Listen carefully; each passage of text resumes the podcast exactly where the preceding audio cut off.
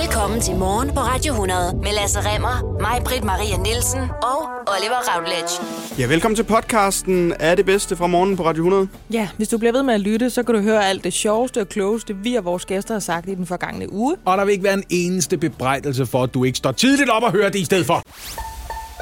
Det du kender, det du Lasse Remmer, Majbrit Maria Nielsen og Oliver Routledge. Morgen på Radio 100. Der var nærmest ikke en nyhedsvært eller en politisk redaktør på en dansk avis, som ikke befandt sig i den samme på, situation lørdag aften på Solskinsøen Bornholm. Fordi det var der, det tissede ned over det østlige Danmark.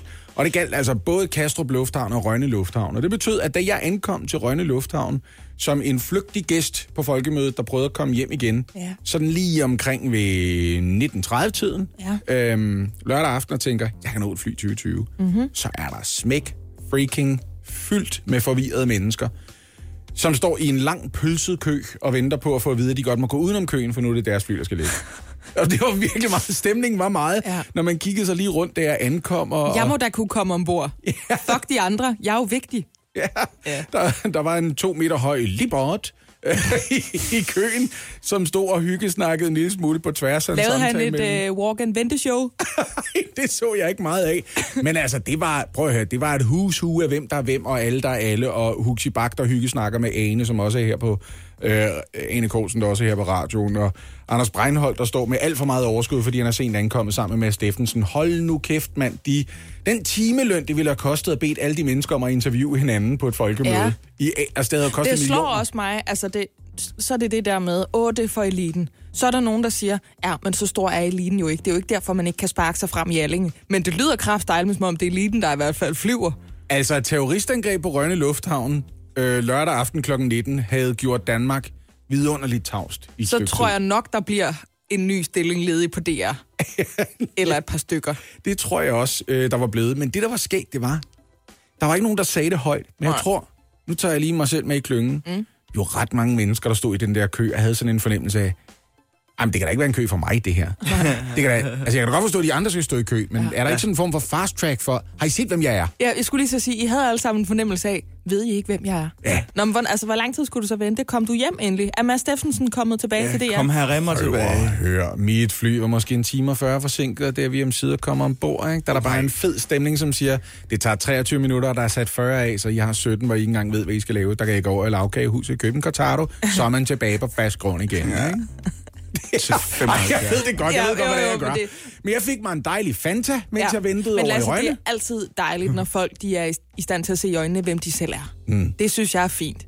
Og så fik man også en oplevelse med sig selv. Altså, at man regnede med, at der kom nogen og faldt på knæ for en med, med et vådt lun håndklæde og sagde, værsgo, her Remmer.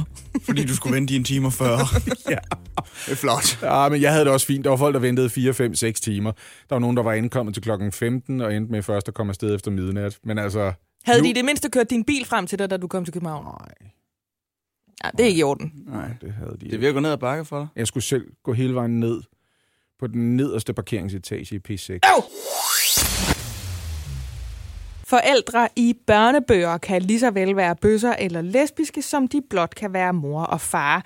De kan også være biseksuelle eller transpersoner. Og det mener de altså i Grundvisk Forum, der efterlyser det, de kalder LGBT-personer i børnebøger. Og derfor har de udskrevet en litteraturkonkurrence, hvor citat eneste krav er, at der skal optræde en eller flere LGBT-personer i historien, og at historien er målrettet de 3-6-årige. Mm-hmm. Skal I lige have noget info på, hvad Grundvisk Forum Meget gerne. Ja. ja. Øh, deres definition af sig selv er, at de har til formål at styrke samhørigheden mellem kirke og folk i Danmark, at sikre frihed og gode vilkår for evangeliets forkyndelse, og at fremme et forpligtende folkeligt fællesskab. Og de er grundlagt tilbage i 1898, så det er ved at være en gammel dame.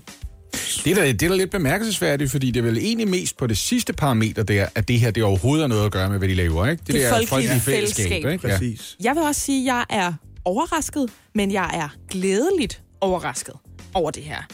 Øh, de laver simpelthen en konkurrence, hvor man skal øh, bidrage selv med et, en anderledes familiefortælling. Ikke? Mm-hmm. Øhm, Altså, man, man skal skrive et værk, eller hvad? ja, du skal skrive en bør- min børnebog. Skrive Ikke? en børnebog. Ja. Okay, ja. Altså, de siger selv, at konkurrencen sætter fokus på den manglende LGBT-inkluderende børnelitteratur. Øh, og konkurrencen er så slut, men Grundvis Forum kan øh, glæde sig til den 14. august, hvor de, og nu igen i forbindelse med Copenhagen Pride, har tænkt sig at annoncere, hvem der har vundet. Altså, hvem der har skrevet Ja. den bedste historie. Det giver meget god mening. Mm. Hvor mange bud tror I næsten, man kan modtage på en, øh, en børnefortælling, en børnebog, hvor der indgår LGBTQ-personer i? Ej, jeg ved ikke, hvor mange øh, deltagere der er i sådan nogle litteraturkonkurrencer. Hvad- De ville da i hvert fald godt kunne komme op på et 60 antal. Måske 100? Ja, 239 bud Wow. har Grundvis Forum fået øh, på det her øh, folkelige fællesskab. Den hæftede jeg mig nemlig også ved. Den synes jeg var god. Men så er der jo det der... Altså, det skal vi snakke om lidt senere, men jeg synes også, vi kan åbne lidt for den nu. Hvorfor skal man altid fagne alt og alle? Kan man ikke bare sige, at nogle mennesker er anderledes, det er ikke det er de fleste mennesker er. Der er ikke nogen grund til at gå ind og lave et kriterie om, at man skal lave en børnebog, der nødvendigvis kan, kan fagne det. Skal man så også lave en børnebog om nogen, der har store ører eller røde hår? Ja, det Hvad kan synes man du, Lasse? Det ved jeg ikke, det kan man da godt. Jeg synes, Dumbo var meget god, mm. for eksempel. Ikke? Det, Ja.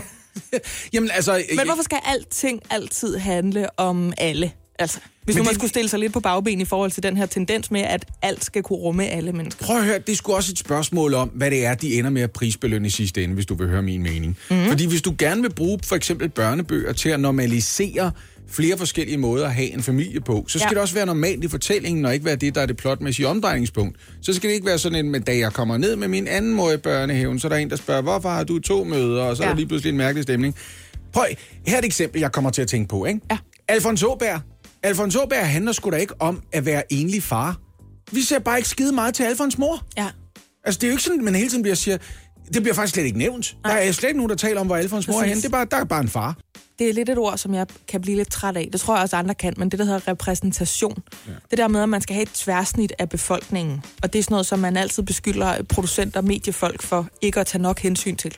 I skal huske at have en brun person. I skal huske at have en øh, asiatisk person. I skal mm. huske de her aldersgrupper. Det er altid kvinder over 50 for eksempel, som man ikke synes er repræsenteret nok. Ikke? Her der kan jeg faktisk meget godt lide sammensætningen, fordi det her der handler det om, at børn skal kunne føle sig genkendt. Mm. Og jeg kan egentlig godt forstå, hvis man sidder skrædderstilling inde på værelset og har to fædre, og man aldrig nogensinde ser det gengivet nogen andre steder. Så kan jeg godt forstå, at man tænker, "Men så er vi måske anderledes, så er vi måske ikke okay. Ikke? Mm. Nogen, der måske heller ikke synes, det er helt okay, det kunne være en anden del af øh, den kristne træ. Og det synes jeg altså, vi skal berøre øh, her lidt senere på morgenen også. Vi snakker om Grundvisk Forum, som har udskrevet den her konkurrence, som så er slut nu, hvor at børnebogsforfattere eller andre, der er gode med en pen, kan skrive et forslag til en børnebog, altså børnelitteratur, i alle afskygninger, hvor der skal indgå en LGBTQ-person. Altså, øh, det handler om køn, det handler om seksualitet, og det handler om identitet. Mm. Og de gør det, fordi de gerne vil øh, have, altså en del af deres programerklæring for Grundvigansk Forum er jo det her med det folkelige fællesskab. Og de har øh, kigget på i mange år, at de synes ikke, at børn nødvendigvis føler sig repræsenteret, hvis de har for eksempel homoseksuelle øh, forældre, når de læser den børnelitteratur, der er til rådighed så er der jo altså også nogle fjender til det her budskab. Mm-hmm. Det ved man godt. Vi er i en tid, hvor der er stor kønsdebat, og hvor vi snakker om, hvad er køn, er det en konstruktion, og hvor mange er der i så fald af dem. Og i Kristelig Dagblad, der har formanden for det, der hedder Evangelisk Luthersk Netværk, Jens Lomborg, omtalt den her konkurrence som, citat nu, et typisk kirkeligt knæfald for tidsånden, hvor man accepterer en præmis om, at alt er lige godt. Citat slut. Det vil sige, her har vi to aktører på den kristne scene, som slet ikke er enige om, hvad der er godt og hvad der bør være tilgængeligt for børn. Og det er ikke så svært at forstå, når man lige læser programerklæringen for de to organisationer, fordi Luthersk Evangelisk Netværk, de har altså til formål at være øh, bibeltætte. Og jeg har faktisk fundet inde på deres hjemmeside, at de den 3. juni, det er jo for ganske kort tid siden, øh, har offentliggjort to forskellige materialer om køn og seksualitet, som er beskrevet fra et bibelsk ståsted. Og det er altså tilgængeligt nu. Det ene det er en rapport, der hedder Kampen om kønnet, og det andet er seksualundervisningsmateriale.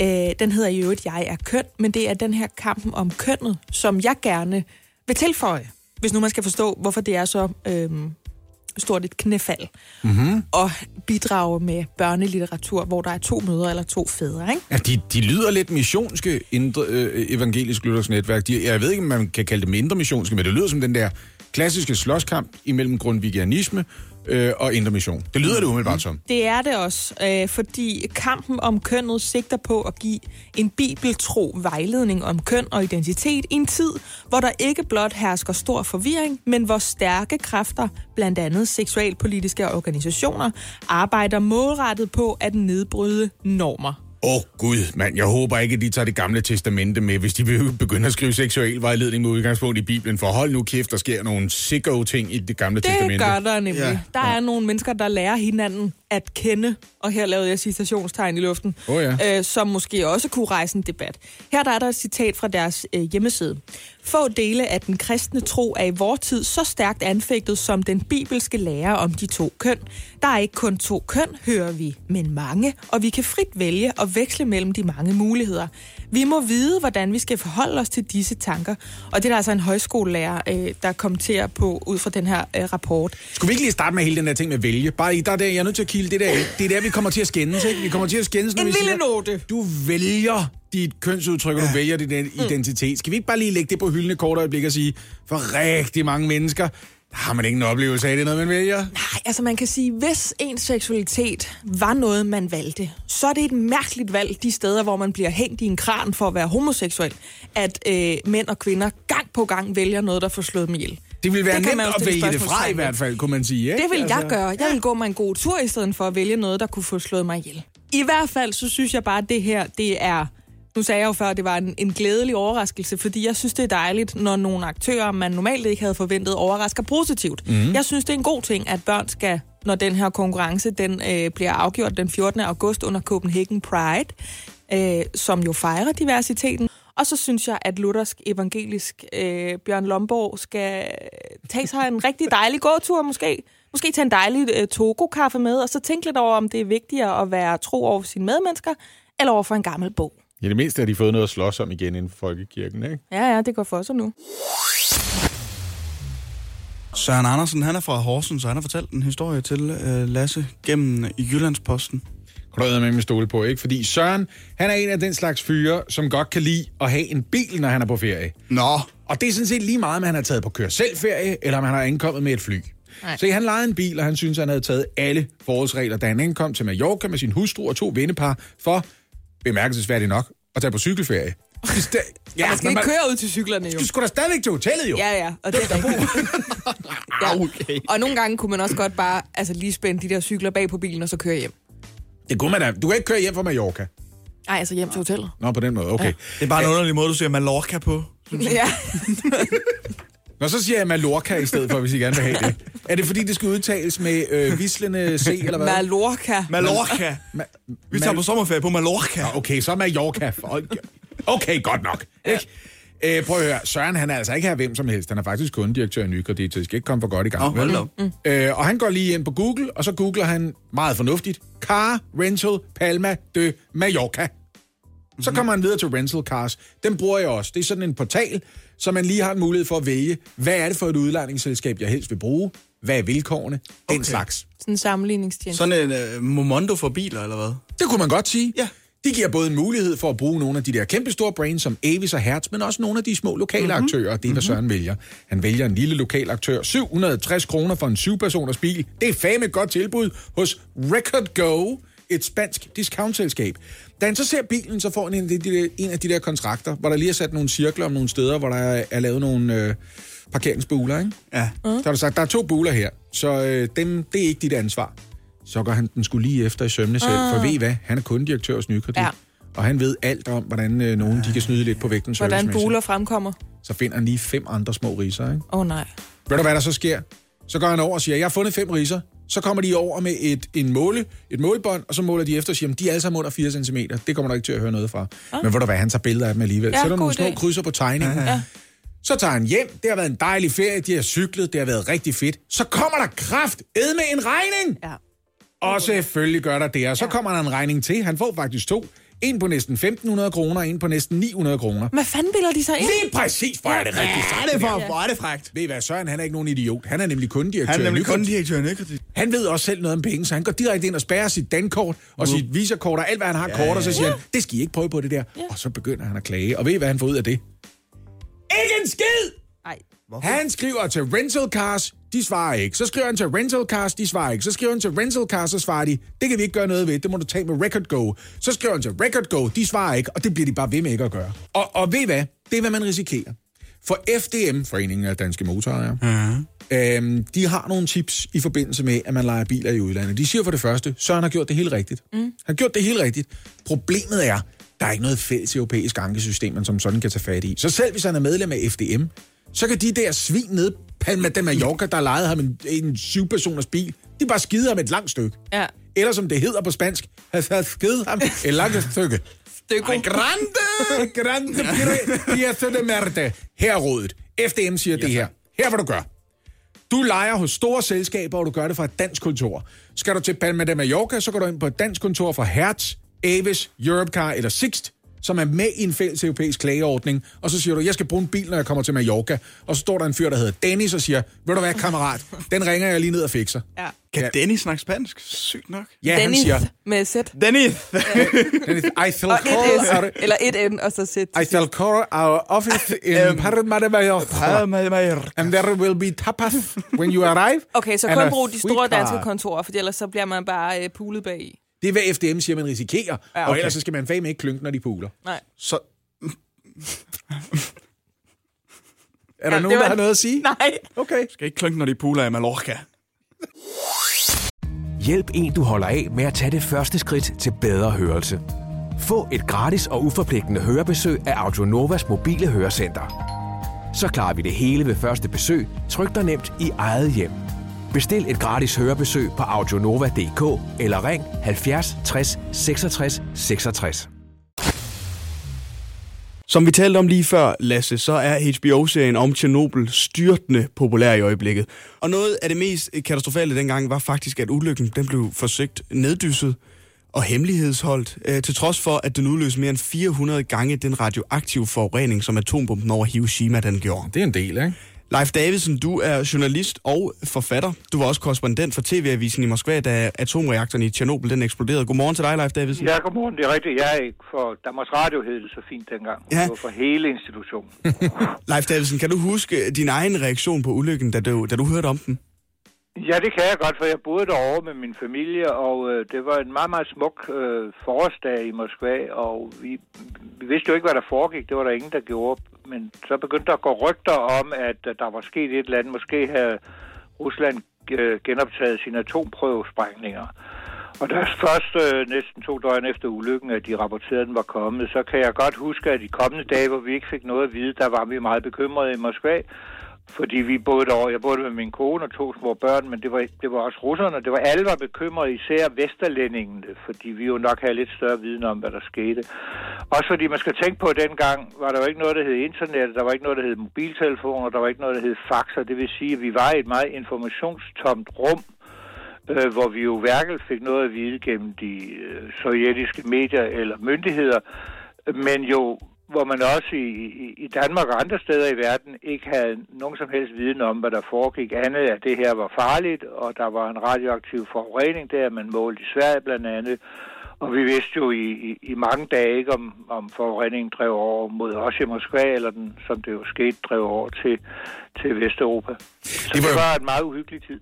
Det var jo blandt andet målingerne i Sverige, der gjorde, at man fra vestens side kunne presse Sovjetunionen til at være mere meddelsom, end de ellers ville have været. Vi ved, at myndighederne de er ret længe om at offentliggøre katastrofens omfang og i det hele taget reagere udad til. Hvordan kan man som statsapparat, sådan som Sovjetunionen fungerede i 80'erne, tro, at man kan holde så stor en begivenhed hemmelig? Jamen, det lå i, indbygget i det kommunistiske diktatur, at man omtalte aldrig nogensinde ulykker eller katastrofer, hvis man på nogen måde kunne undgå det. Hvis for eksempel der var et flystyrt, hvis der ikke var nogen udlændinge ombord, jamen så blev det ikke omtalt. Man omtalte, der havde været flere uheld, ikke så voldsomme som i, i Tjernobyl, men på atomkraftværker, der aldrig nogensinde var blevet rapporteret eller omtalt. Og det gjorde man, fordi man, man, man mente, at enhver omtale af en ulykke ville have virke negativt over for det ufejlbarlige kommunistiske parti og system. Så derfor forsøgte man at holde det hemmeligt. I det her tilfælde forsøgte man det også, fordi man i starten måske håbede eller troede på, at det var noget, man kunne holde internt, at det ikke ville drive ud over grænserne, men, men, øh, men og at så holdt man det hemmeligt, fordi i, i de lokale myndigheder var længe om at ordentligt informere myndighederne i Moskva, og myndighederne i Moskva med Gorbachev i spidsen var meget vankelmodige i, hvordan de skulle håndtere den her. Så derfor gik der forskellige dage, før man øh, sådan set tog det alvorligt, også i Moskva. Jeg kan stadigvæk næsten ordret huske den første meddelelse, der kom. Øh, det her sker en natten mellem fredag og lørdag, og den første meddelelse kommer i den sovjetiske tv kl. 21 om aftenen, hvor der står, at der har været et mindre uheld på et atomkraftværk i Ukraine.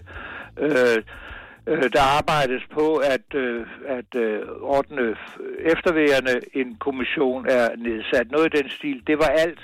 Der gik meget lang tid, før man begyndte, før det egentlig gik op for magthaverne, at det her var meget, meget alvorligt, og at man måtte øh, evakuere folk, og på et tidspunkt også bede Vestner øh, om hjælp. Øh, og det, det lå indbygget i systemet, at det ville være et øh, for negativt over for systemet, hvis man sagde, at det her var var en, en fejl på både reaktoren, men også den, den, den menneskelige reaktion på, på ulykken. Men Leif Davidsen, hvorfor var befolkningen i, i Sovjetunionen på det her tidspunkt ikke i oprør, da de opdagede, hvor katastrofal den her ulykke den egentlig var?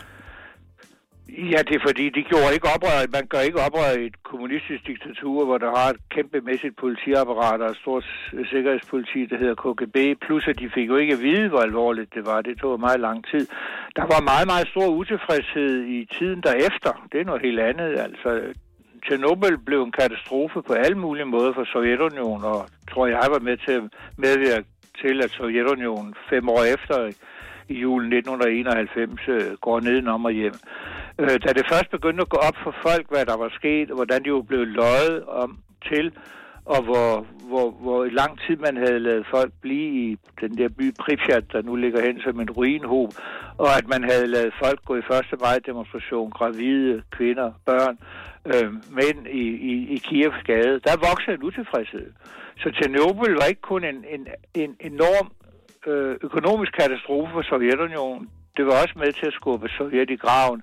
Partiet, det kommunistiske parti, øh, levede på, at det var fejlfrit og ufejlbarligt. Og pludselig var der millioner af mennesker, der sagde, nej, det er ikke ufejlbarligt, for det fejlede her. Og det mistede en stor del af sin autoritet. Gorbachev mistede autoritet.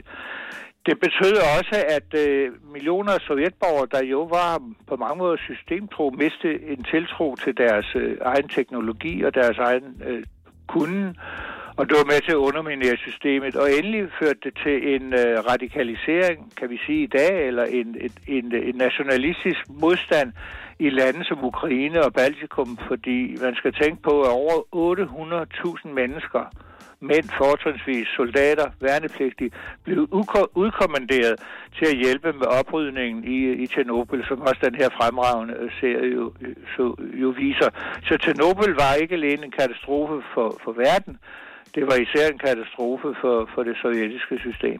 Tusind tak skal du have, Leif Davidsen, for din tid og for at gøre os klogere på den her katastrofale øh, begivenhed tilbage i 1986. Tak fordi jeg måtte. Nå, har du et bud på, hvad en øh, 1150 grader varm exoplanet bestående af gasarter på størrelse med Jupiter skal hedde? Nej, nej, nej, nej, nej. Hvad fanden er en exoplanet i første omgang? Er det bare sådan en ja, gasplanet? Er, er det, det en klump gas? Ja, det er det, og der er rigtig mange af dem. Øhm, øh, men det er, hvad der er mulighed for nu. Det er, en, øh, det er et ekstra solar planet. Det er en planet, der kredser om en anden stjerne end solen. Nå! En exoplanet. Så der kan man sige til, at jeg ikke har hørt noget om Ja, den, lige præcis. Men det er altså spørgsmålet, som den internationale astronomiske union i Danmark Ja, det er noget, der hedder. Det nu stiller. Danmark har, ligesom en række andre medlemslande af den her internationale astronomiske union, fået muligheden for at navngive en af de mere 4.000 identificerede exoplaneter, der så findes. Messerschmidt synes, den skal hedde Grundtvig. Altså Morten Messerschmidt? Ja. Planeten Grundtvig? Ja. Hvorfor det har den lang skæg? Nej, jeg tror bare, han synes, det er meget dansk. Ja, det er langt at rejse ja. væk for at gå på højskole i hvert fald. Alle, Kom nu, helt ærligt. alle danskere, de kan sende deres bud på et navn. Det oplyser den danske repræsentant fra øh, det her ast- øh, Internationale Astronomiske Union, Ole Knudsen. Ideen med det her, det er, at Danmark får lov til at give navn til en af de planeter, der er i verdensrummet i forbindelse med unionens 100 års fødselsdag. Nå, det er sådan en gave. De gemmer sådan nogle Ja, det planeter. er så. Ah, Indtil videre, så hedder den planet, som Danmark altså får lov til at navngive, den hedder HAT, p 29b Og her kunne jeg godt- foreslår, den skal hedde HAT P29B. Og der, der kunne man så måske godt forestille sig og tænke sig et bedre og mere øh, ja, mundret navn. Nej, ikke for mig. det synes jeg er et awesome navn. Hat-P-29B. Tænk en romantisk aften og pege op mod stjernehimlen. Mm, ja. Med det menneske, du elsker, under din arm og sige, skat, se hvor klart den lyser hat P29B. det er Men jo der- en exoplanet, der er 1150 Det- grader varm. Vidste du det, skat? Ja, det er den er cirka på størrelse med Jupiter.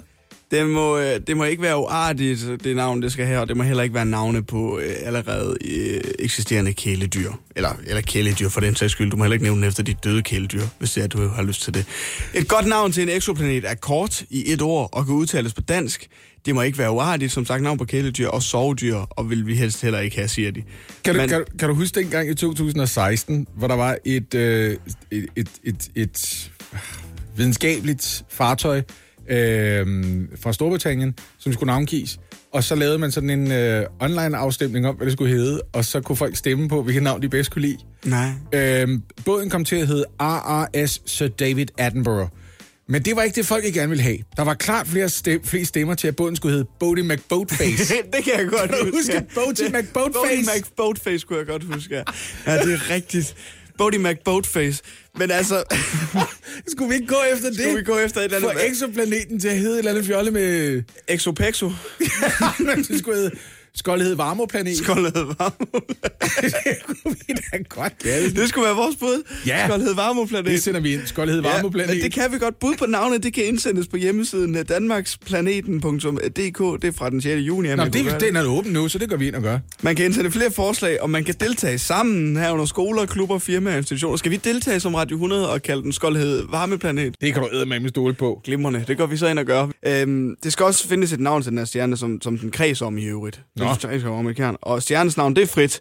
Og det må gerne hænge sammen med planetens navn, så jeg ved ikke, om den skal hedde øh, Stjerno Stjerno. Nej, hvad skal hvad, Det finder vi ud af bagefter. Ja. Nu skal vi lige have, Nu nu skal lige have nailet den her. Exoplanetens ja. navn.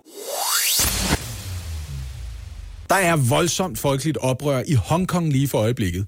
Et sted mellem en kvart og en hel million Hongkong-boere har været på gaden i flere dage for at protestere imod et nyt lovforslag, som udvisker grænserne imellem Kina generelt og Hongkong helt specifikt. Det er virkelig voldsomt. Hvad er det, de er så vrede over? Og hvad er løsningen på hele den her konflikt? Det prøver vi at blive en smule klogere på nu sammen med Kasper Wigman, som er daglig leder af tænketanken Think China under Københavns Universitet. Godmorgen, Kasper Wigman. Godmorgen. Kasper Wigman, hvad er det, det her lovforslag går ud på, som befolkningen i Hongkong er så brede over?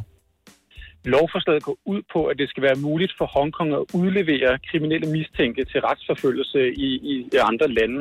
Og det, man er bange for, det er, at fastlandskina vil misbruge det til at sørge for, at dissidenter, journalister, politiske aktivister, folk man måske er uenige med, at de kan blive udleveret til Kina til retsforfølgelse.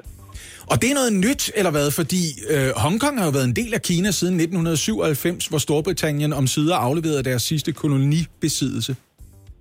Det er det, men man opererer med, med Hongkong under noget, man kalder et land, to systemer. Så det vil sige, at selvom Hongkong er en del af, af Folkerepubliken Kina, så har Hongkong-borgere en række frihedsrettigheder, som man fik ret til, som britterne fik lavet en aftale med, efter man overdrog Hongkong til. Så de har blandt andet ytringsfrihed, øh, retssikkerhed, forsamlingsfrihed og retten til at demonstrere også. Altså en lang række frihedsrettigheder, som deres øh, medborgere på fastlandskina ikke har ret til. Og hvis de gerne ville afhænde de rettigheder, så ville de vel flytte til fastlandskina, kunne man forestille sig. Ja, lige præcis. Hvad er løsningen på øh, den her konflikt på længere sigt? Er der en mulighed for, at styret trækker lovforslaget tilbage, eller vil det være for stor en indrømmelse over for befolkningen, og muligvis noget, der kunne anspore folk på fastlandskina til også at begynde at brokke sig over øh, vilkårene med hensyn til menneskerettigheder der? Altså, der er lidt et farligt politisk spil, der er i gang. Nu har man først og fremmest suspenderet den her lov. Jeg havde i søndags, var der omkring 2 millioner Hongkong-kinesere på gaden sidste. Hvad det virkelige tal er, det ved man ikke helt, men der var rigtig, rigtig mange mennesker. Altså, det er næsten en fjerdedel af Hongkongs befolkning, der demonstrerer mod det her lovforslag. Og den øh, politiske leder i Hongkong, Carrie Lam, hun har så suspenderet det her lovforslag. Så det er den største politiske tilbagetrækning, man har set under præsident Xi Jinpings øh, tid som præsident for, for Kina. Så, men den er ikke taget helt af bordet nu, det her lovforslag. Det ligger stadigvæk og ulmer i horisonten, så det bliver interessant at se, om borgerne i Hongkong vil være tilfredse med det. Der er også snakker om, at folk kræver, at Carrie Lam, den politiske leder, hun skal træde af. Så det bliver interessant at se, hvor meget Kommunistpartiet i Beijing, hvor meget de er villige til at gå for det her, fordi det, det er store indrømmelser. Fordi hvis folk ligesom lufter blod for, at, at hvis de demonstrerer hårdt nok, så kan de få nogle indrømmelser politisk. Kasper Wigman, hvad er det værste, der kan ske, hvis den her situation den bliver ved med at udfolde sig, som den gør i øjeblikket? Jeg tror, det værste er nok for, for Carrie Lam og styret i Hongkong, det er, at de kommer under voldsom politisk pres, og der finder helt sikkert en dialog af sted mellem hende og så styret i Beijing, hvor man har lavet en drejebog. Lige nu så har man jo i alle verdens øjne rettet mod Hongkong, og det har lige været 30-årsdagen for massakret på den himmelske fredsplads. Så jeg er ret sikker på, at styret i Beijing er interesseret i, at det her det ligesom skal dyse lidt ned, hvilket jeg også tror, at det er derfor, at at lovforslaget det i hvert fald er suspenderet på ubestemt tid. Jeg kan ikke forestille mig, at man vil sætte hårdt ind, altså sætte militæret ind imod øh, demonstranterne. Nu havde man i sidste uge, hvor der var, var ret store optøjer og, og konfrontationer mellem unge demonstranter og politiet også, der gik ret hårdt ind til de her unge. Og det har man også fået ret voldsom kritik for. Så jeg tror, man håber, at folk vil være tilfredse med, at nu er lovforslaget suspenderet i hvert fald. Øh, her til sidst, Kasper Wigman, i Vesten, i USA og i Danmark, der taler vi ind imellem om fremmede magter, der muligvis prøver at påvirke vores demokrati, helt konkret Rusland. I Hongkong, der er det sådan, at China Daily, som ejes af Kommunistpartiet, mm. altså en avis derovre med en, med en cirkulation på cirka 900.000 eksemplarer, antyder, at befolkningen her bliver brugt som nyttige idioter af fremmede magter, der prøver at påvirke Kommunistpartiet i en negativ retning. Øhm, hvor sandsynligt er det? Er det ren propaganda, eller kan de have fat i et eller andet? Det tror jeg, man skal tage med, med et gran salt. Jeg tror, styret i Beijing er måske lidt bekymret for, at Donald Trump han kan bruge det som en forhandlingsbrik, når han skal mødes med, med præsident Xi Jinping under det næste G20-topmøde. Men jeg tror, at det er et udtryk for Hongkong-borgernes utilfredshed, og så tror jeg, at man bruger det lidt til noget politisk spænd fra, fra fastlandskinas side, også over for, for sine egne borgere også, fordi at de ved jo selvfølgelig godt, selvom alt er censureret, at der finder noget sted i Hongkong. Ja, ja, for lige at trække en lille smule fra troværdigheden ved de her folkelige optøjer og sige, det er i virkeligheden slet ikke folkets vilje, der bliver, der bliver givet udtryk for her. Øh, Kasper Wigman, altså daglig leder øh, af Tænketanken Think China under Københavns Universitet. Tusind tak for at gøre os klogere på situationen i Hongkong lige nu. Selv tak. Er du klar til noget drama? Jeg er mega klar til banditnyt. Ja, men ved du hvad? Du vil slet ikke kunne styre din puls. Okay, jeg, nu- jeg trækker vejret dybt først nu her, ja. Nu er der banditnyt. Er der bandit? Okay.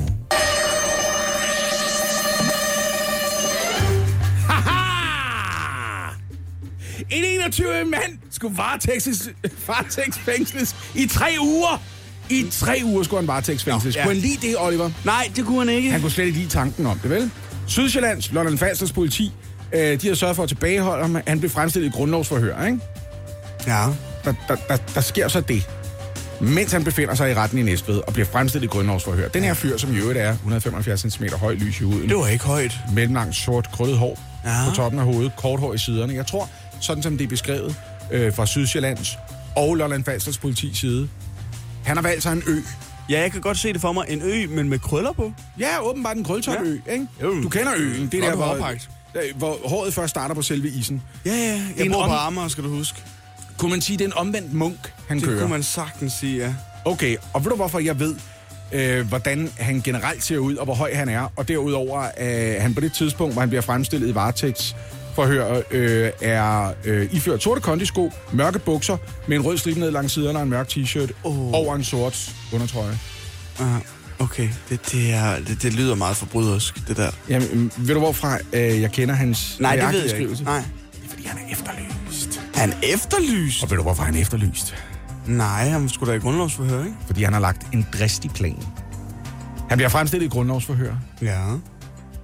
Så stikker han af ud gennem et vindue. Nej! Det er hele historien, mand! Gør han da vel ikke? Prøv at høre, hvis du nogensinde har lyst til at se en film som Ocean's Eleven, men tænker, kunne den være overstået på tre minutter?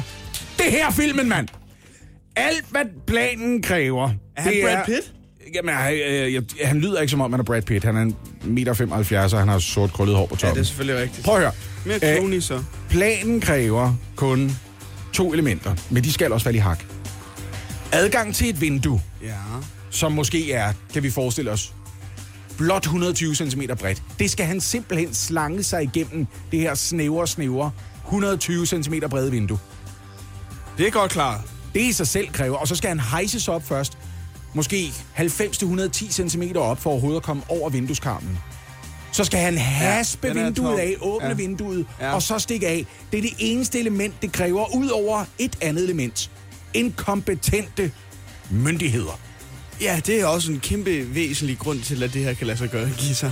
Men kan han få de to elementer til at falde i hak, Oliver? Hvis man kan, nu kan det. så er det direkte ud i friheden. Han er ikke farlig, siger politiets vagtchef, Stefan Jensen. Ja. Øh, men vi vil godt have fat i ham. Ja, Ja, det tak. tror sgu da fanden, mand. I var gang med at varetægtsfængsle ham, og nu er han stukket af. Ved man, hvad han havde gjort, for han skulle varetægtsfængsles? Jeg kan fortælle dig, det er en voldsag. Oh, Så det er interessant, at de siger, at han ikke er Men han farlig. er ikke farlig, men han er lidt voldelig. Nej, men det er det. Vi fremstiller ham for en øh, sag, hvor han har pandet nogen ned og gjort et eller andet farligt ved nogen. Men det skal I ikke være nervøs for. Prøv at høre. Han slår os ikke som typen. Han er over det. Vi vil bare gerne varetægtsfængsle ham, så han ikke truer nogen af vidnerne. Det er sikkert, det han er ude af gang med at gøre lige. Det ved vi jo ikke. Hvem ved, hvad han laver? Nå, anyway. Han er stadigvæk på fri fod. Er du i næveren eller deromkring? Ja.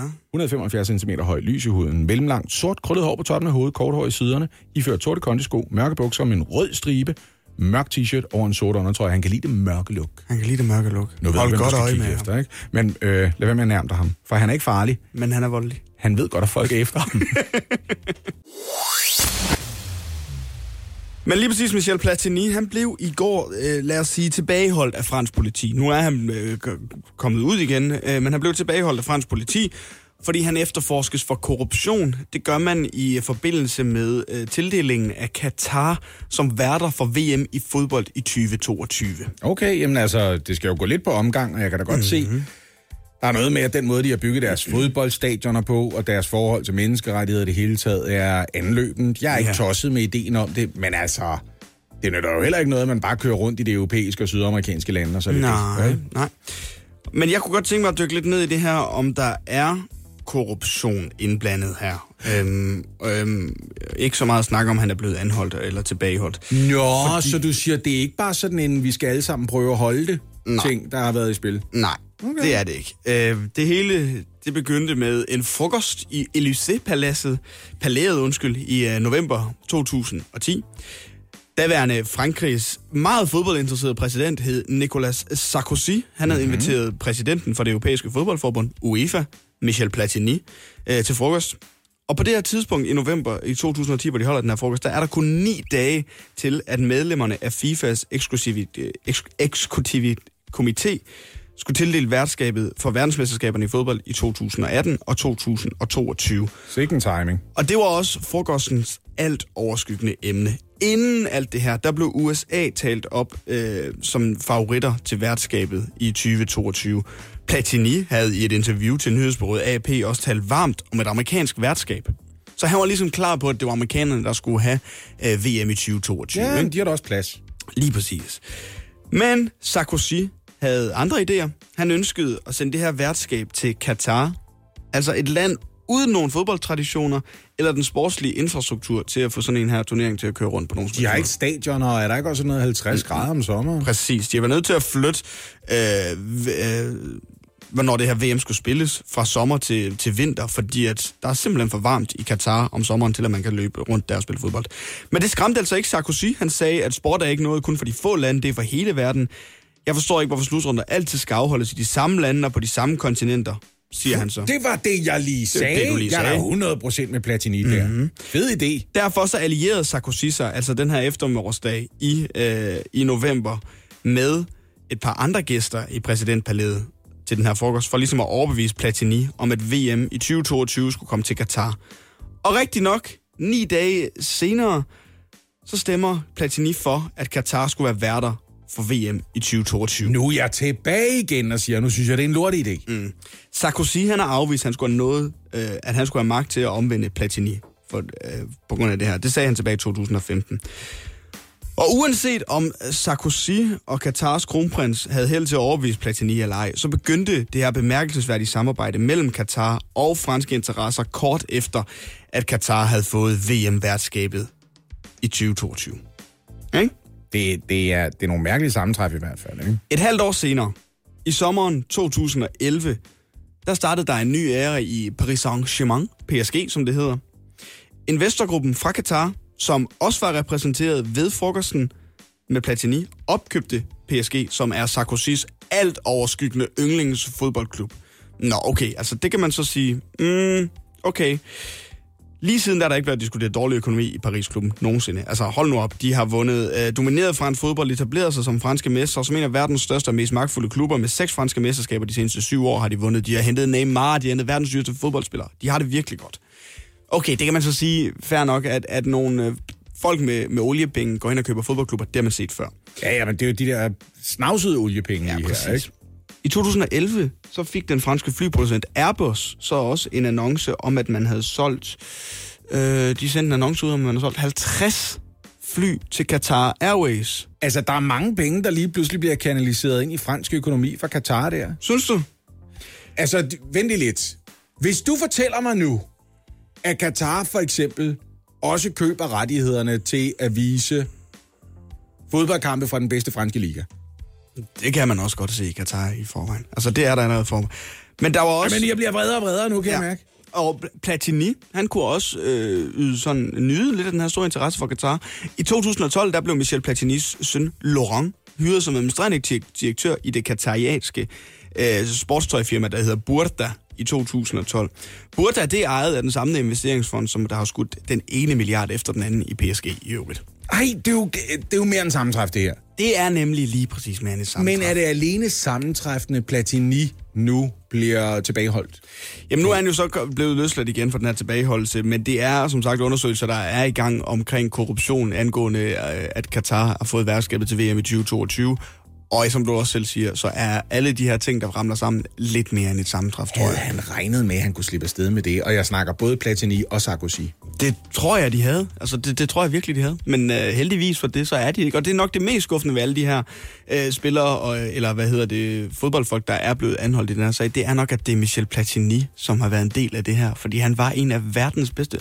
Han vandt Ballon d'Or tre år. Altså, han har vundet verdens bedste fodboldspiller tre skal, gange. Vi, vi bare sætte det i kontekst, ikke? Det ville svare til, at Michael Laudrup har gjort det samme. Vi er blevet sure. Vi ja, er blevet rigtig sure. Vi er blevet rigtig, rigtig skuffet. Ja. Men det er altså en historie, som jeg i hvert fald har tænkt mig lige at, at følge lidt med i og udfolde for dig øh, og mig, når tilbage, og når, vi, når der kommer mere i den her historie, for jeg synes, det er voldsomt interessant, og, og desværre også lidt, ja, så sidder man tilbage med en dårlig smag i munden omkring alt det, der foregår. Jeg synes, jeg synes, det skal have konsekvenser, og jeg kan ikke finde ud af, hvad det skal være. Nej. Jeg foreslår, at man udelukker alle verdens lande fra VM i Katar, men afholder VM alligevel. På den måde bliver alle straffet, inklusiv Katar. Ja. Vi bliver hele tiden flere mennesker på jorden, flere der skal deles om den her planet. Det står klart, hvis man skal tro den nye FN-rapport, der blev udgivet i går. Den viser nemlig, at vi vil være næsten 10 milliarder mennesker, helt konkret 9,7 milliarder mennesker på jorden, når kalenderen siger år 2050. Det vil altså sige cirka 2 milliarder mere end i dag. Ja, og du kan huske dengang, at øh, det var 2 milliarder mindre, der var på jorden nu. Altså. Ja, alvorligt talt. Jeg havde bare besluttet mig for at låse det tal og sige, vi er cirka 5,5. Så når ja, børnene spørger, er vi ikke cirka? Og så vender jeg mig til at sige 6, og så synes jeg egentlig, så måtte vi lægge låg på der. Men det bliver ved med at vokse, det her tal. Vi kan sige godmorgen til Pernille Fenger, som er chef for FN's Befolkningsfonds nordiske kontor i København. Godmorgen, Pernille Fenger. Godmorgen. Først og fremmest, hvad er din umiddelbare reaktion på denne rapport? Det her tal, er det et positivt eller negativt tal, set i forhold til, hvad vores forventninger var for befolkningsudviklingen i verden? Ja, det, jeg synes, der er interessant at fremhæve, det er, at, øh, at med den her rapport, så kan vi slå fast, at verdens befolkning, den vokser nu langsommere, end den har gjort på noget andet tidspunkt siden, siden øh, 1950. Altså for, for 70 år siden, da, da FN begyndte at, at, at skrive, lave de her fremskrivninger om, hvor, hvor mange mennesker vi bliver på jorden.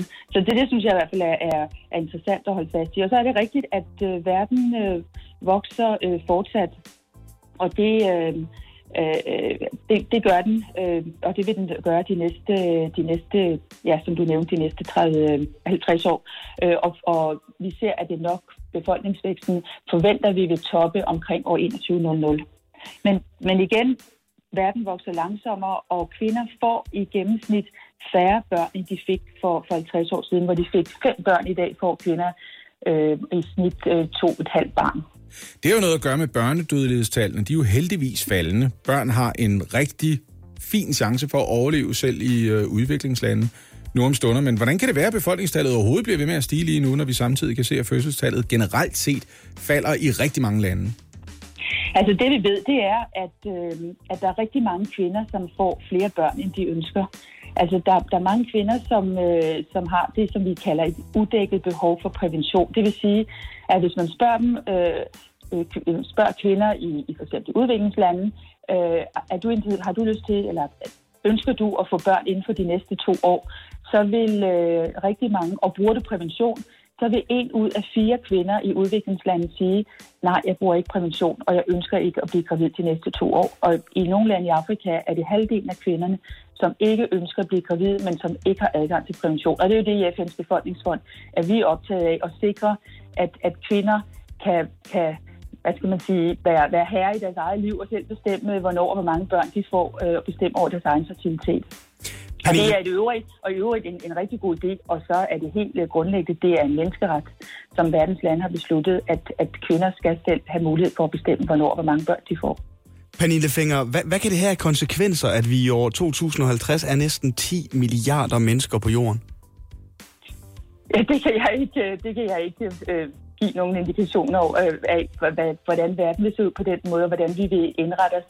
Øh, de lande, hvor, hvor befolkningsvæksten øh, går rigtig hurtigt, det er også oftest mange af de fattige lande, og det, det er klart med en, en hurtig voksen befolkning, det stiller også nogle krav til, at der skal være skoler, og der skal være sundhedsydelser, hospitaler osv. til at kunne øh, Øh, tilbyde et, et, et, nogle gode liv til, til deres befolkning. Og det er jo naturligvis en udfordring, hvis man er et fattigt land. Og derfor er det endnu mere vigtigt, at man, man opfylder kvinders ret til at bestemme over øh, deres egen krop og til at sikre, at de selv kan planlægge deres egen graviditet. Er det noget, vi skal gøre øh, en indsats for at påvirke for andre landes vedkommende? Fordi de reproduktive rettigheder i Danmark er vel forholdsvis liberale. Men, men de lande, hvor det ikke er tilfældet, altså skal vi ud og presse dem diplomatisk, eller, eller hvad tænker du om det? Altså Danmark er en, øh, en kæmpe bidragsyder til, øh, til det her område internationalt. Blandt andet en stor øh, støtte til FN's befolkningsfond og, og meget øh, engageret på området, øh, både politisk, altså til at, at, at sikre, at den her ret øh, står højt op på den internationale dagsorden, men, men også økonomisk er, er Danmark helt i, øh, i front med at, at hjælpe til, at, at, det, at der bliver øh, et, at, at, at arbejde, der kan udføres i, i rigtig mange lande sammen med vores partner til, til netop at, at sikre den her ret til at, at få adgang til prævention. Tusind tak skal du have, Pernille Finger, altså chef for FN's Befolkningsfonds nordiske kontor her i København. Selv tak. Lasse, i mange sportsgrene, ikke? Nu snakker vi jo tidligere på morgenen om, at din øh, søde datter har fået en bronzemedalje til skole -OL. Det er flot. Mm, ja. Det var i bordtennis. Der er reglerne nøjagtigt det samme, når det er for mænd og kvinder. Bordet er den samme størrelse, bolden har den samme størrelse, battet kan det samme.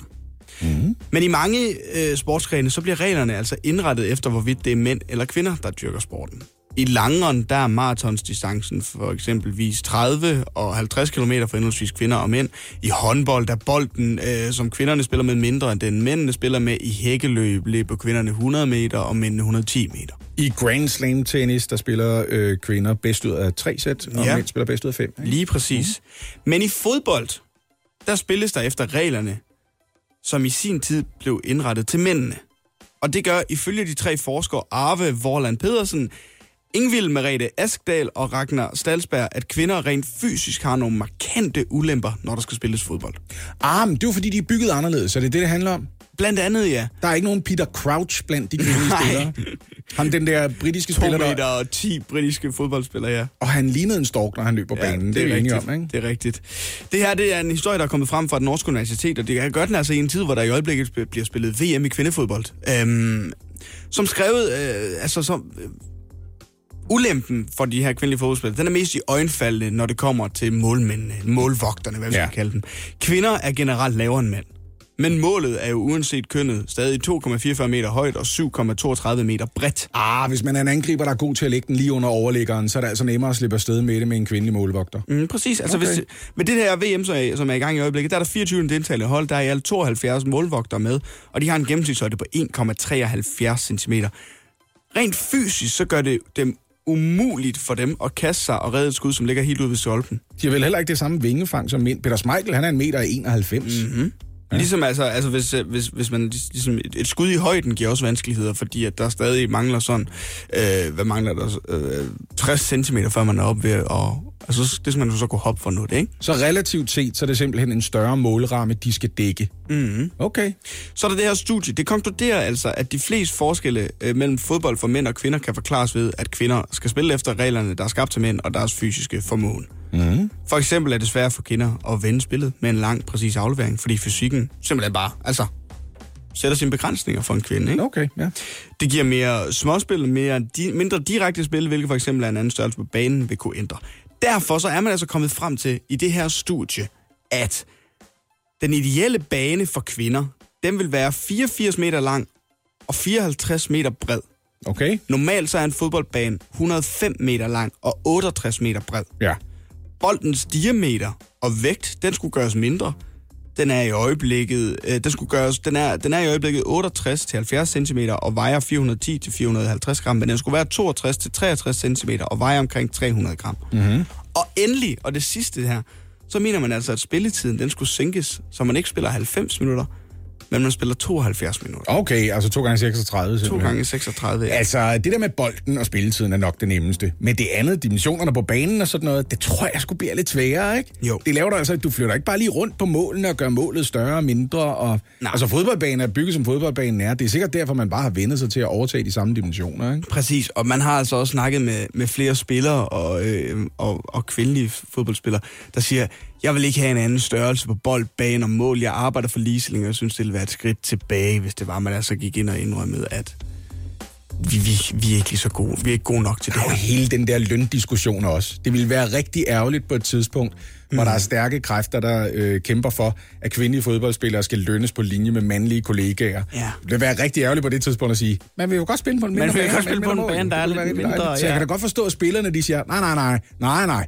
vi spiller på den samme bane. Ja. For når man spiller på den samme bane, og er ude på den samme bane, så skal man heller ikke have nedskaleret sin løn jo. Præcis. Ja. Men det er interessant, det her studie, der ligesom går i dybden med, at dimensionerne på en fodboldbane er skabt til mænd og ikke til kvinder, og dermed så er der altså forskel på den fodbold, man ser som mænd. De spiller, det går hurtigere, der er mere direkte fodbold, hvorimod det kan kvinder simpelthen ikke, fordi fysisk er de ikke bygget til at kunne spille på den samme måde på nogen som helst Så det kunne have været mere underholdende kampe måske også, hvis man imødekom de her reduktioner. Det ville i hvert fald være bedre fodboldkampe, altså simpelthen, hvis man imødekom og sagde, okay, prøv at høre, vi spiller 72 minutter, banen den bliver mindre, og bolden den bliver lettere. Ved du, hvem det ville fuck det hele op for? Nej. Nej, det ved du nemlig ikke. Journalister. Dem, der er vant til at beskrive arealer ved at sige, det svarer til 22 fodboldbaner. De vil være nødt til at tilføje et parentes. For mænd. For mænd, ja, ja, det er rigtigt. Det kan jeg jo ikke være klar over. Det er rigtigt. Spidsen af en jet, ja. Alt bliver forklaret i fodboldbaner, når man skal finde størrelser på noget. Det er helt rigtigt. Hjælp en, du holder af med at tage det første skridt til bedre hørelse. Få et gratis og uforpligtende hørebesøg af Audionovas mobile hørecenter. Så klarer vi det hele ved første besøg, tryk dig nemt i eget hjem. Bestil et gratis hørebesøg på audionova.dk eller ring 70 60 66 66. Uden sammenligning, så skal vi snakke om anti Der har jo ikke været nogen tvivl om, hvilken side af åen jeg står på, når det gælder vacciner. Jeg står over på siden med kanyler og tro på folk i kitler. Ja, lige Jeg, jeg, jeg er med på hele den der ting med stol ikke for meget på kæmpe store virksomheder. Heller ikke selvom de laver medicin, som prøver at gøre verden til et bedre sted, eller bedre helbredet for en masse mennesker. Nej. De kan sagtens have nogle lumske dagsordner og fifle med tallene i et forsøg på at sikre sig et overskud og sådan noget. Den er jeg med på. Mm-hmm. Men noget andet er det generelle fænomen vacciner. Er det en fed idé, eller er det ikke en fed idé? Og prøv at høre. Mens vi har siddet og dundertalt imod folk, som siger, jeg kan bare ikke rigtig se, jeg forstår det bare ikke Jeg synes bare, jeg har læst en artikel for nylig om, at der er nogle seriøse bivirkninger, Ja. og øh, jeg synes også, jeg har læst et andet sed, at hvis man bliver vaccineret, så kan man risikere at få den sygdom, så vaccinen i virkeligheden skal beskytte en imod. Det har jeg læst på øh, vaccineinfo.org.løgn. World Health. Ting, jeg digter. Og det er til synligheden en udbredt tendens, som er voksende lige for øjeblikket. The Guardian har lavet en undersøgelse, eller rettere øh, videre rapporterer en undersøgelse fra Welcome Global Monitor, som har lavet en undersøgelse sammen med Gallup. Og The Guardian ja. Udlægger den sådan her. 59 procent af befolkningen i Vesteuropa, 50 procent af befolkningen i Østeuropa tror, det er sikkert at få en vaccine. Jeg kan ikke mere, Oliver. Det er 59 procent. 3 ud af 5 stoler på vacciner nu. 2 ud af 5 siger, ja, ah, åh, nej, jeg har nogle spørgsmål. og der, jeg forstår bare ikke, hvordan det her det virker.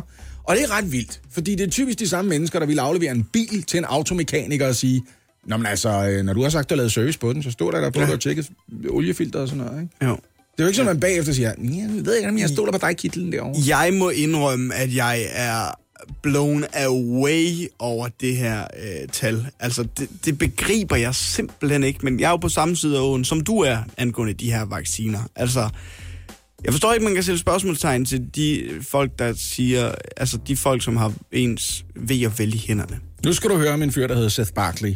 Han er administrerende direktør for en global vaccinealliance, der hedder Gavi. De arbejder for at lette adgangen til vacciner i udviklingslande, og her hvad han siger.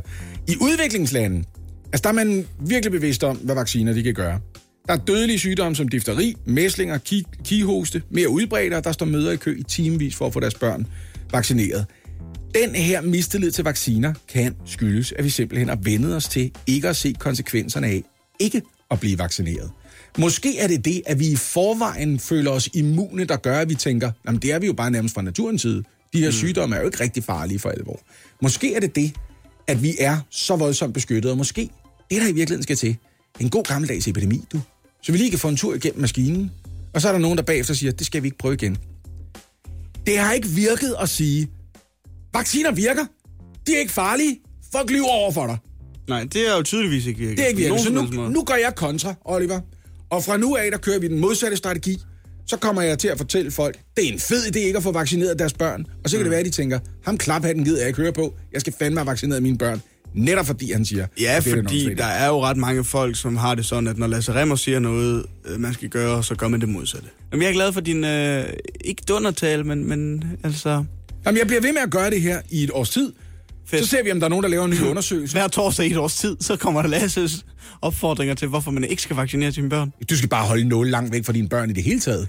De skal heller ikke lære at sidde ved en sygemaskine. Nej. Det fører bare til vacciner på et eller andet tidspunkt. Du skal slet ikke lære, at nåle eksisterer. Kødnål, ved du hvad? Skråt op. Og så kigger vi på tendenserne om et år, og ser, om der ikke er flere, der har fået vaccineret deres børn. De kan ikke høre det. Og vi fisker. Jeg visker det til dig. Okay. Så kigger vi på det om et år, og så kan det være, Så kan det være, at det går Okay. Nu må vi se, om det virker. Ja, okay. Det vagte for få dage siden internationale opsigt, at en dansk klimaforsker, Steffen Malskær Olsen fra DMI, han tog et foto under en arbejdsopgave op i det nordvestlige Grønland. Ja. Der er vi altså oppe i et tyndt befolket område. Der sker ikke meget der. Det er faktisk der, Sirius-patruljen i høj grad slår sine folder. Nå, hold da op. Ja, der sker Ja, ja, ja. meget. Og billedet viser nogle slædehunde, som løber rundt i, øh, hvad der nærmest ligner åbent hav. Ja, det ser voldsomt ud. Det er det i virkeligheden ikke. Hvad der er tale om, det er havis, hvor der er så meget smeltevand, at det nærmest ser ud, som om de løber i vand og ikke andet. Og det er altså et, som er blevet viderebragt af The Guardian, Washington Post, New York Times blandt andet, øhm, som selvfølgelig har spurgt den danske forsker på forhånd, er det okay, vi bruger det her billede. Mm. Øh, han er decideret blevet anklaget for, at der er blevet manipuleret med billedet, for det kan simpelthen ikke være rigtigt det her. Men den skulle være god nok. Det er sådan, der ser ud lige for øjeblikket i det nordvestlige Grønland her i juni måned. Vi har ringet til hans kollega Rasmus Anker Pedersen, som er klimaforsker hos DMI, ligesom Steffen Malskær også er. Øh, godmorgen, Rasmus. Godmorgen. Hvad var din allerførste reaktion, da du så det her billede taget af din kollega Steffen Malskær Olsen? Det er klart, at når, altså, om man er klimaforsker eller ej, så spærer man da lige øjnene op, når man uh, ser en hundesled, der til synligheden kører på vandet. Hvor usædvanligt er det at se en hundeslæde, der kører i, i smeltevand øh, på Grønland, hvor der skulle have været is? Øh, er det fordi smeltesæsonen altid får det til at se sådan ud? Eller er det her så gralt, som man oplever det, når man bare er lægeperson? Altså, der er noget usædvanligt ved det, men som du siger, øh, det illustrerer, hvad der generelt sker i Arktis om sommeren, nemlig at der smelter enormt store mængder sne og is. Og det danner alt andet lige en stor mængde smeltevand. Øhm, det, der så er sket her, det er fordi, at det har været så varmt her tidligt på sommeren, jamen så er isen stadig ret tyk. Det vil sige, at der har været voldsom smeltning på overfladen, men vandet har ikke kunnet sive væk gennem sprækker og revner, fordi at isen stadig er tyk. Øh, så det er simpelthen et spørgsmål om, at, at smeltevandet er dannet hurtigere, end det kunne nå at løbe væk. Så har vi fået det her lag på overfladen. Ja, jeg læste, at der for cirka en uge siden øh, smeltede 2 millioner tons is i Grønland. Jeg boede der et par år som barn, og jeg kan huske, at sommerne de kunne faktisk godt være rigtig varme. Men det her, det er altså ekstraordinært varmt lige for øjeblikket. Er det sådan, vi skal forstå det? Ja, i hvert fald i forhold til, hvor tidligt vi er på, på sæsonen, ja. Øh, men der sker altså relativt store variationer fra år til år i det her. Så, så vi har set det før øh, i løbet af de senere år, at, øh, at vi har de her høje temperaturer øh, her i juni måned. Altså, der kan jo være sådan nogle årlige udsving, og det kan jo være svært igen at vurdere, hvis man ikke selv er klimaforsker. Er det her et eksempel på et gralt år, eller er det et bevis på en tendens? Hvor meget skal man lægge i det her, når man kigger på det her billede? Er det sådan endnu en årsag til at skære tænder og tænke, så siger jeg nej tak til den næste oksebøf? Altså, den helt konkrete situation her er ikke, altså det, det er, dels så er det jo, har vi fået et billede af et punkt på en fjord, øh, der ikke nødvendigvis siger noget om den generelle situation, og dels det her med, at, at juniværet i Grønland, ligesom juniværet i Danmark, øh, generelt altså varierer meget fra år til år. Øh, men grunden til, at vi snakker så meget om det her billede, det er jo, at det på en eller anden måde øh, illustrerer den situation, der foregår lige nu, nemlig at øh, der bliver varmere og varmere i Arktis, og vi hver sommer øh, ser større og større afsmeltning af sne og is.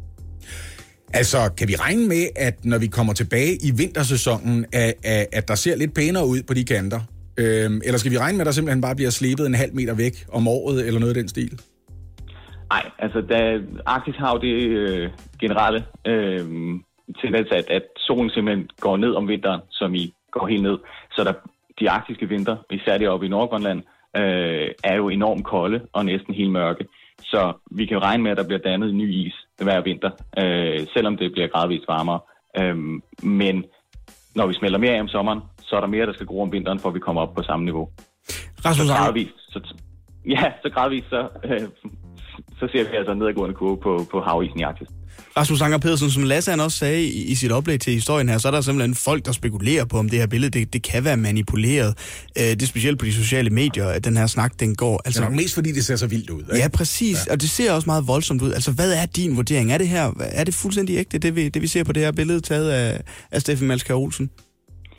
Altså, jeg synes, at, at øh, øh, hvad det hedder, forklaringen bag er helt, helt øh, forståelig. Altså, vi ser hver sommer store mængder smeltevand på, på øh, toppen af havisen. Øh, normalt dannes det øh, sådan nogle, øh, det kaldes smeltesøer eller smeltepytter, men altså sådan afgrænsede områder. Øh, og her har vi fået et, et, øh, et billede af et, af et stort område, men, øh, men altså alt andet lige, hvis vi færdede i hele Arktis hen over sommeren, jamen, så vil vi se de her store områder med smeltevand oven på havisen. Nej, der er ellers lige et øjeblik, hvor jeg tænker, hvis det var hos os, og lige nu du sagde, jeg tror sgu Steffen har manipuleret med det billede, så vil vi have verdens vildeste historie. Men ved du hvad, vi stoler på, øh, hvad vi ser, vi stoler på dig. Tusind tak for at gøre sådan en smule klogere på det hele, Rasmus Anker Pedersen. Det var så lidt. Oliver, var du den der knægt, hvis for alt, øh, forældre altid øh, bad dig fri i sådan noget uge 40 eller uge 41, lige før uge 42, hvor alle andre havde efterårsferie eller vinterferie? Nej, vi, vi øh, der var mine forældre meget sådan, at du, vi tager ferie, når du har ferie. Ja. Altså, der, man kunne godt finde på en gang imellem lige en dag eller to inden, at skrive øh, i den blå bog, man havde I på min skole. Ja, Mm. Oliver øh, skal have fri den og den dag. Ja. Og så skulle læreren lige skrive under. Men ikke, øh, nej, det var sjældent, meget, meget sjældent, at man tog fri ugen op til en uge, hvor man allerede havde ferie. Det er også sjældent, det er sket for mig, men jeg synes, jeg gik i klasse med rigtig mange, der godt nok lige skulle to uger til Lanzarote med de gamle, eller skulle tre uger til Samsø med bedsteforældre, eller sådan noget. Og de var på alle sider af året. Ja, nemlig. Øhm, det, det, jeg gerne vil tale om nu, det minder en lille smule om det. Øhm, fordi det handler nemlig om, at øh, fra 1. juli er planen i hvert fald, der skal folkeskolerne kunne fjerne en ydelse fra forældre, der holder deres børn øh, hjemme fra skolen uden en lovlig grund, øh, hvis de har mere end 15 procents ubegrundet fravær. Nå. Det vil sige en lang rejse i skoletiden, eller store mængder ulovlig klatfravær, som det kaldes. Øh, det udløser simpelthen en økonomisk straf til forældrene. Og når jeg siger, at det minder lidt om det, jeg gerne vil snakke om, så er det fordi, det er et led i den nu afgående regerings strategi mod parallelsamfund. Og det er altså herunder, at folkeskolerne faktisk har de ikke engang fået muligheden, de har fået pligten til at underrette kommunen, når en pågældende elev har for meget ulovligt fravær. Så det vil sige, at hvis der er en elev, der simpelthen har de her klat fravær, så at Ja. sige. Ja. Jeg havde jo elever... Ulovligt fravær. Jeg havde jo, ja, jeg havde jo altså mm, klassekammerater, specielt på gymnasiet, vil jeg sige, Ja. der havde meget klat fravær. Så Mm. kunne man ikke lige overskue syvende time en mandag, og så droppede man den, og det kunne man heller ikke lige overskue første time tirsdag. Altså de folk der, som kommer til over 15 procent, deres forældre vil blive straffet økonomisk. Ja, altså hvis man har mere end 15 procent ubegrundet ja. eller ulovligt fravær, Ja. øh, så tager man simpelthen næste kvartals børneydelse fra Wow. familien. Det vil sige, man kan jo selv regne ud, det angår familier, der har børn der er øh, berettiget til at modtage børneydelsen, Ja, ja, ja. eller altså forældrene modtager den jo, ikke? Og målet er simpelthen at nedbringe det her ulovlige skolefravær med cirka 10 procent årligt. Det vil sige til 5 procent ulovligt eller ubegrundet fravær. Hvordan har du det med det? Jamen, jeg har det sådan lidt... Jeg synes at man skal passe sin skole, men jeg tror måske også, jeg kan få det lidt som...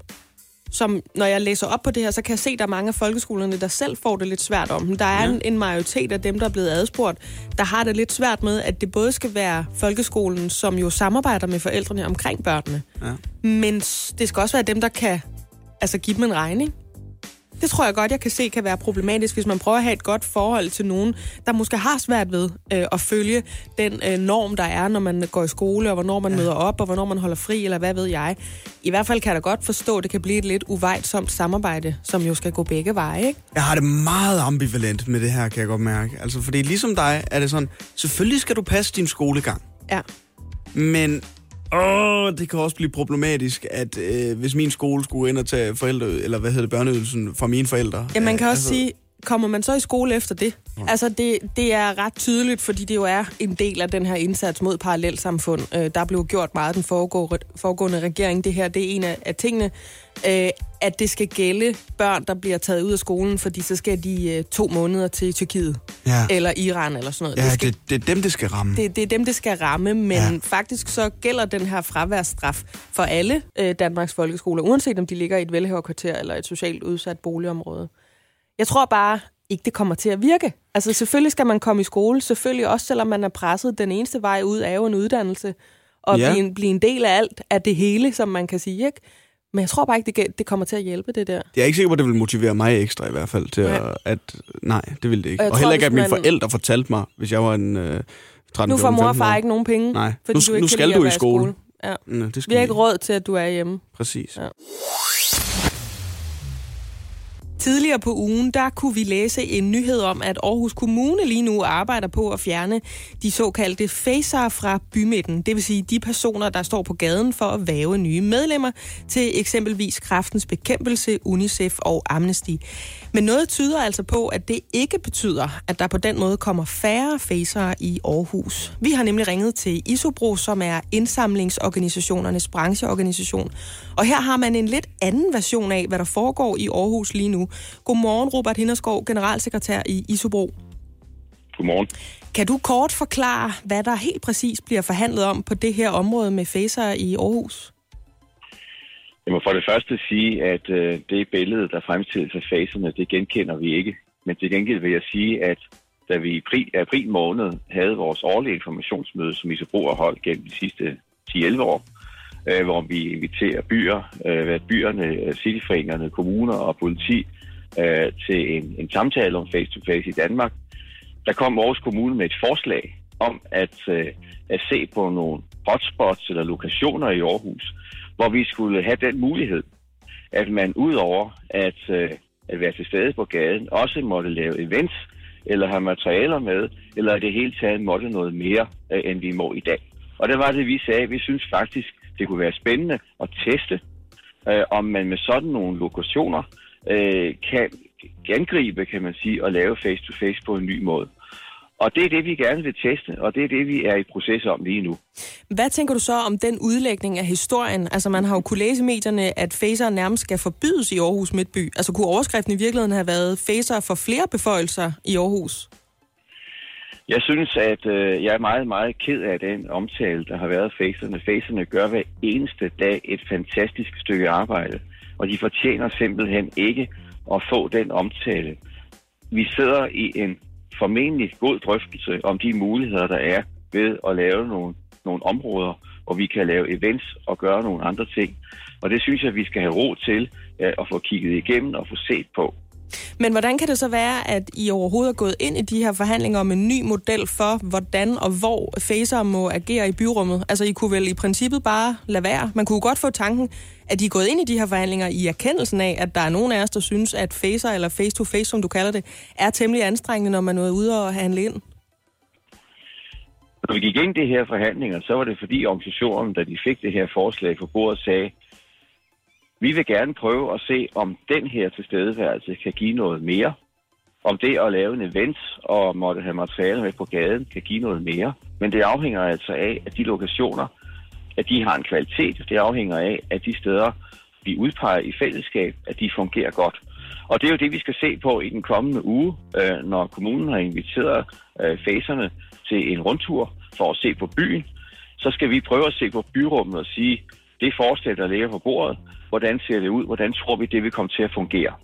Hvad er det for nogle yderligere ting andet end at, at stanse folk på gaden, du håber på, at facer skal få lov øh, til fremover? Jamen, i dag er det sådan, at, øh, at en kommune øh, skal give tilladelse, hvis man skal have noget med på gaden. Det vil sige, en øh, facer i dag, der være medlemmer, øh, må ikke have noget med. Altså vedkommende må selvfølgelig have materialer i hånden. Man må ikke have en stand. Man må heller ikke lave en event eller andre ting. Og da vi fik det forslag, øh, sagde vi, jamen lad os se, om der er nogle muligheder i det her. Øh, om, vi, om, om der er nogle muligheder i, at vi kan være der på en ny måde. Og det er så det, vi er i gang med at drøfte lige nu. Hvad tænker du om, at der er en del mennesker, der synes, det er anstrengende, og man ved næsten ikke, hvor man skal kigge hen, og man er ved at falde over sine egne fødder, fordi man har egentlig ikke lyst til at blive afkrævet øh, 100 kroner om måneden og skrive sin mailadresse ned på et klipbord. Man vil egentlig bare gerne have lov at gå ind i magasin i fred.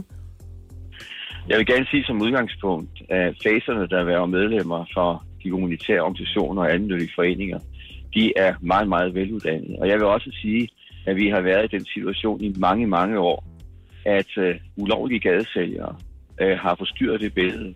Og ulovlige gadesælgere, som intet har med medlemslaverne at gøre, at de faktisk har givet det her et dårligt omdømme. Og det er noget af det, vi kæmper med, og det er også noget af det, vi kommer til at drøfte med kommunen. Hvad vil kommunen gøre for at fjerne de ulovlige sælgere? Altså de sælgere, der skal have tilladelse til kommunen, hos kommunen, men som ikke har det, og som efter vores opfattelse ikke opfører sig ordentligt, ikke er veluddannede. Hvad vil kommunen gøre ved det? Og det er noget af det, vi kommer til at se på, øh, når vi skal forhandle videre om det her. Er tiden måske i virkeligheden inde til, at I skal finde på en lidt mere moderne måde at være nye medlemmer på, i stedet for øh, at angribe folk på gaden? Det er fuldstændig afgørende for medlemsværvning, for kontaktarbejde, for fundraising, øh, at man har mulighed for at kontakte folk. Sådan har det altid været. Øh, det er kontakten, det er i kontaktøjeblikket, at man får muligheden for at vælge øh, og støtte et velgørende stykke arbejde. Og det er der en, en gruppe foreninger i Danmark, øh, der har valgt at gøre, og det gør de med god ret. Det gør de også med loven i hånden. Øh, det her er nøje beskrevet som aktivitet, den nye indsamlingslov, vi fik i 2014. Rammerne er på plads. Øh, facerne må gerne være der, og de gør et rigtig godt stykke arbejde. Og det er et arbejde, de skal have mulighed for at fortsætte. Robert Hindersgaard, generalsekretær i Isobro. Tak for din kommentar her til morgen. Ja, selv tak. Det er fredag. Det er rigtigt. Vi nåede til den tid på en fredag, hvor jeg øh, skruer op for en lavens mikrofon. Mm-hmm. Det... Modvilligt, men du gør det. Jeg gør det. Du gør det ikke nok. Det er jo på tide, du gør det. Øhm, og jeg trykker på en knap, der gør, at der kommer noget... Lige i øjeblikket er der ikke noget underlæg på, vil den skarpe lytter be- bemærke. Mm. Underlæg, det er det der øh, elevatormusik, der ja, ligger og sover sig under det, når vi siger noget. Det vil der normalt ligge der. Prøv lige, prøv lige at skrue op for den der, faktisk, så folk kan høre. Bam, bam, bam. Bam, bam, bam. Da, da, dam, bam. Da, da, dam. Så noget snakker vi ind over. Men det er ikke det, Anne skal bruge. Nej, det er nemlig ikke det, Prøv lige at trykke på den knap, Anne skal bruge til sit fredagsdigt. Hmm. Der er vi altså over i noget helt andet. Der er vi bare øh, en helt anden boldgade. Fuldstændig. Men er der nogen, der fortjener et så fornemt underlag, så er det selvfølgelig nyhedsankeren på denne station. Ja, tak. Nyhedsværdinden. Og på Og fredagsdigt skriveren. Ja, poeten, tak. Poeten. Kvinden. Kvinden. Anne. Lavent. Giv os dit fredagsdigt. Du har ventet, lidt og hungret efter indsigt. Men bare rolig, det kommer her, det længe ventede fredagsdigt. Omhandlende en uge, hvor der er løbet meget vand under broen. Og efter alle tordenbyerne, kan vi vist endelig nyde roen. I onsdags blev der ellers råbt højt hos de radikale. De ville ikke være med i delaftalen, og dam, hvor var de gale. En forhandling om global opvarmning endte ophedet på ironisk vis. Men så kunne man bare slikke lidt på Morten Østergaard, for han var altså kold som is. Rigtig fint lige at få det sidste med. Ja, ja, ja. det er super vigtigt, du lige fik det med. Og mens vi venter på, at det fastfrosne forhandlingsklima på Christiansborg tør op, så er der bogstaveligt talt en optøning på vej, hvis vi på landkortet kigger op. I Grønland blev isen nemlig forvandlet til soft ice i ugen, der gik. Og nej, det er ikke den slags, der kan spises med krømmel. Så god er verden ikke. Næh, i stedet kunne man pludselig se slædehundene gå på vandet. Hvis man i forvejen var inspireret af Jesus, var det måske bedre at have lavet vin ud af smeltet vandet. Nogen Moses er Lasse Remmer til gengæld ikke. Han overtrådte et bud og stjal fra sin næste for at få hyldeblomstsaft at drikke. Og der skal altså laves en del, hvis hele verden bliver tørstig. 10 milliarder bliver vi i år 2050, så han skal lave en mængde, der er ret så krasbørstig. I Folketinget er der i de her dage også mange, der siger skål. Man diskuterer ikke med formanden, men på Pia Kjærsgaard blev der alligevel gjort kål. Henrik Dam Christensen kan i dag bestige Folketingets trone. Men husk nu, Henrik Dam, at det er en babyfri zone. Og selvom man på den norske ø Somadøje har en afskaffelse af tiden som mærkesag, så gælder det ikke for os andre. Og når vi går i seng i aften, så kan vi holde weekend efter årets længste dag. Tak skal I have. Men du er også den der 12-talspige, Anne Levent, hvor du siger op til altså oplæsningen af fredagsdigtet, ej, det er altså virkelig blevet noget lort den her ja, gang, det må jeg undskylde. Og så hver gang... nu, hvor jeg ikke har været inspireret. Altså, der, den har ikke kommet til mig. Er det, fordi jeg ikke har været Er jeg din muse? Det kan Måske? godt være, at du er min muse. Mm-hmm. Ja. Jeg kunne godt lide... Øh... Mig muse? Øh, ja. Det kom, havde mig, jeg, kom mig, du søde muse. det havde jeg engang en mailadresse, der hed. øh, ordet dame koblet sammen med de radikale, det følte, jeg føler øh, nu, at ordet dame er et meget øh, radikalt ord også. Ja. Mm. Ja. Øh, det er fordi, du et, kan huske dengang, de var cool. Ja, men jeg kunne godt tænke mig, øh, at Morten Østergaard... Jeg kunne godt forestille mig, at Morten Østergaard stod og sige, damn, det har været nogle gode øh, regeringsforhandlinger, det ja. her. Den mægtigste øh, mand i dansk politik. Ja, ja Anne, det var flot. Tak skal du have, Oliver. Morgen på Radio 100 med mig, Britt Maria Nielsen, Lasse Remmer og Oliver Routledge.